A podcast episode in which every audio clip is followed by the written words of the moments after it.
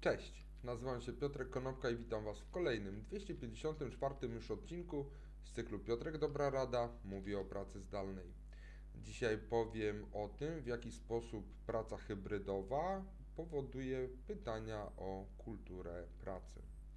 A przede wszystkim e, rok temu, gdy pojawiła się pandemia, to tak naprawdę to zagrożenie było natychmiastowe.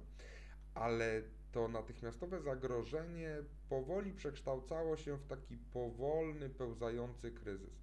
Dla wielu liderów była to możliwość e, zresetowania sposobu, w jakim firmy pracują, w jaki sposób w ogóle ta praca jest rozumiana i jest wykonywana.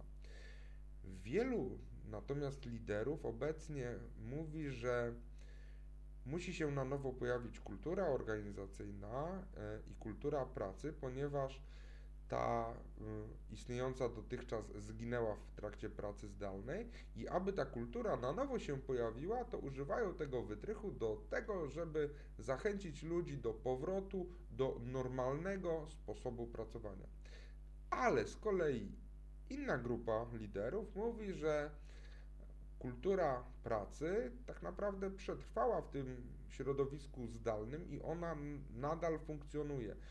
I według mnie liderzy powinni skupiać się na tak naprawdę kulturowych fundamentach związanych z oporem, a czasami trzeba po prostu odrzucić takie myślenie, e, że się nie da albo że komuś się nie chce i po prostu nie należy e, z takimi postawami, e, nie należy takich postaw akceptować.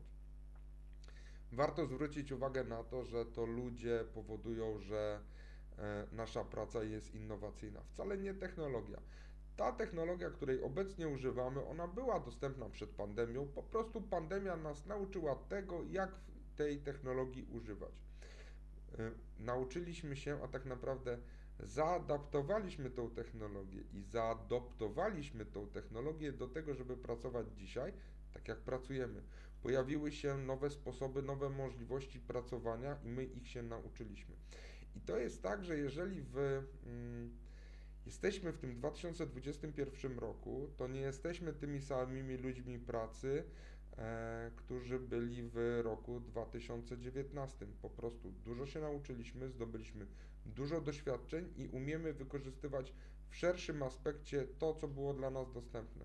I dlatego osoby zarządzające organizacjami jako pierwsze pytanie powinny sobie postawić, jak wzmocnić fundamenty związane z kulturą organizacyjną i jak wzmocnić zaangażowanie wśród pracowników do tego, żeby to, co było do tej pory w naszej pracy stacjonarnej, wzbogacić o to, czego nauczyliśmy się w ciągu ostatniego roku.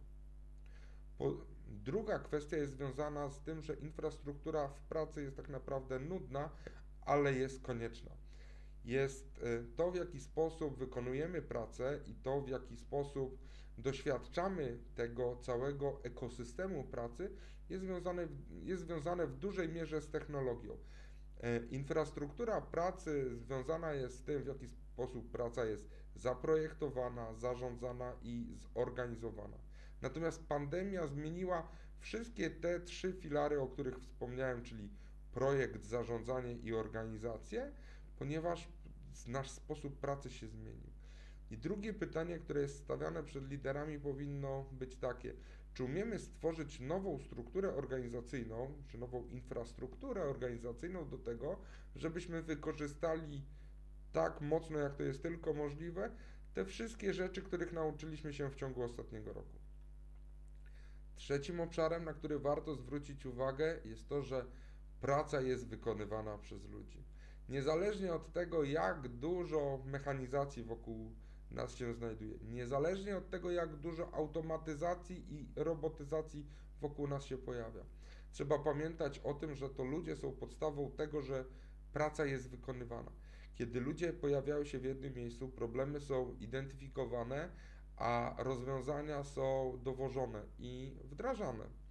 Czyli trzecim pytaniem, na które warto sobie udzielić odpowiedzi, jest to, czy czujemy się na tyle elastyczni, żeby to wszystko, co do tej pory zostało przez nas doświadczone, wdrożyć tak, żeby poprawić produktywność i wydajność.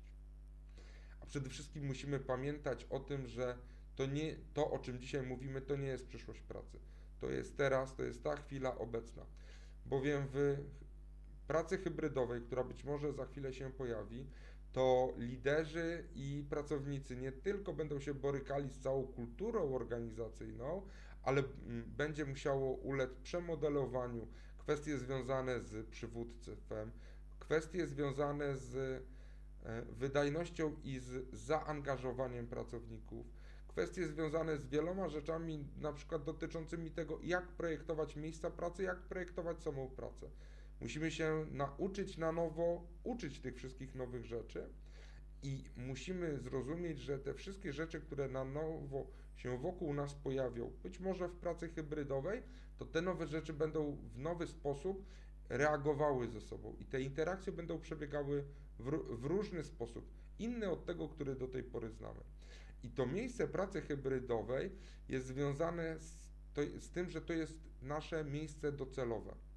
To nie jest tylko środek, czy to nie jest tylko ścieżka, po której kroczymy.